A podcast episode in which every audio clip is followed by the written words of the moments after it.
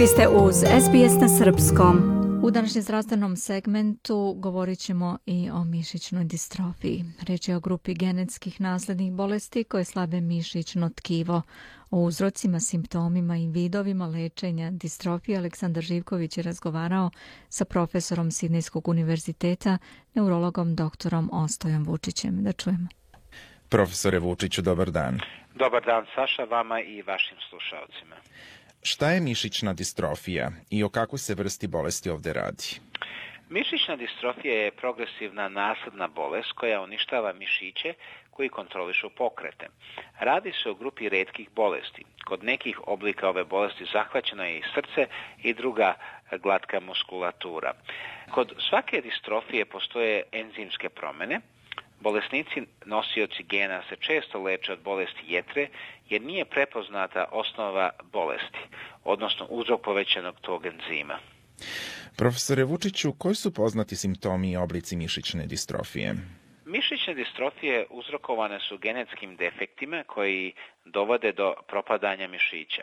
Dušanova i Bekerova distrofija uzrokovane su defektima gena na X hromozomu koji kontroliše proizvodnju mišićnog proteina distrofin.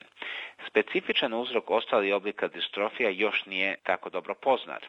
Postoje devet glavnih oblika mišićne distrofije kao što su miotona distrofija, dušenova, Beckerova koja je benigna, pojasni oblik mišićne distrofije, fascioskapulohumeralna distrofija, kongenitalna, okulofaringelna, e, distalna distrofija i dreifus mišićna distrofija. Pojedini oblici razlikuju se po vremenu u kom se bolest javlja.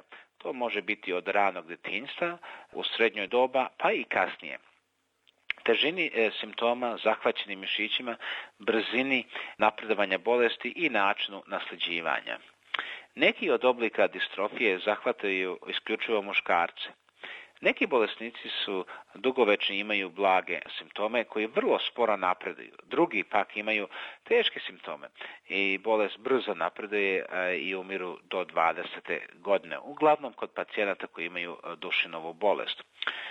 Što se tiče miotone mišićne distrofije, ona se još naziva i Steinerova bolest, najčešće je oblik mišićne distrofije kod odraslih, pogađa žene i muškarce i prvi simptomi se mogu pojaviti u detinjstvu pa sve do odraslog doba.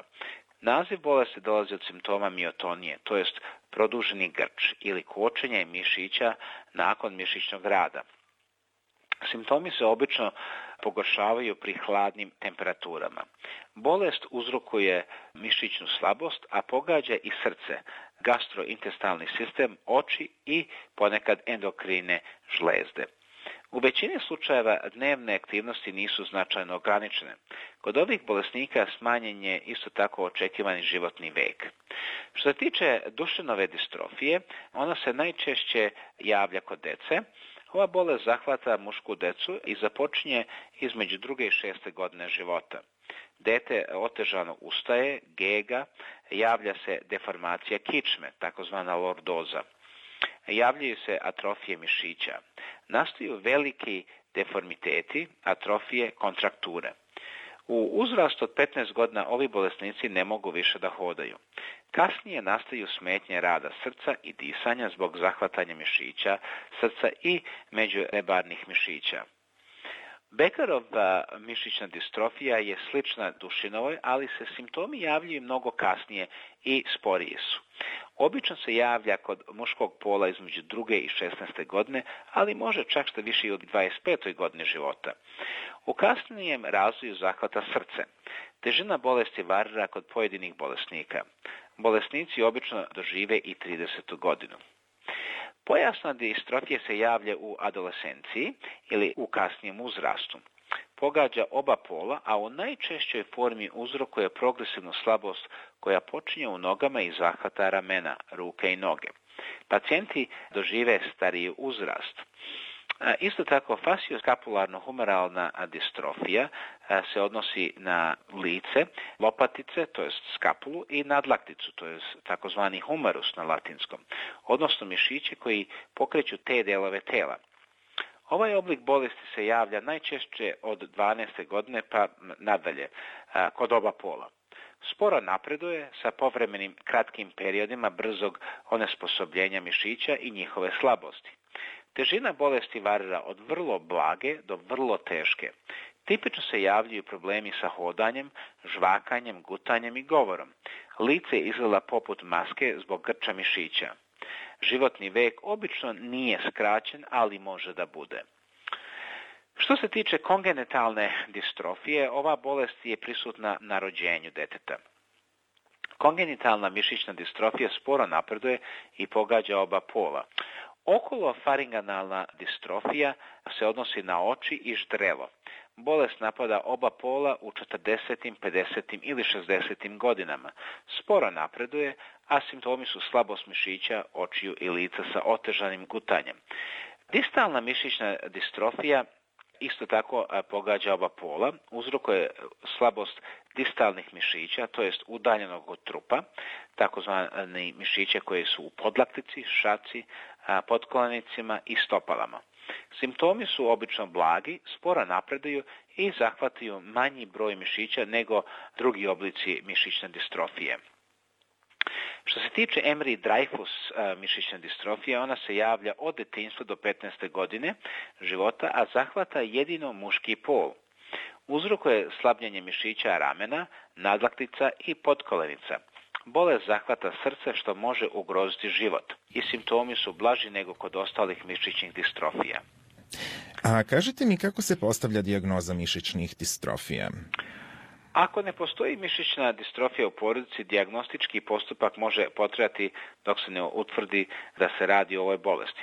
Potrebne su različite analize krvi kojima se meri količina enzima nastalih usred propadanja mišića, izvode se razni testovi mišićne funkcije, ponekad je potrebna i biopsija.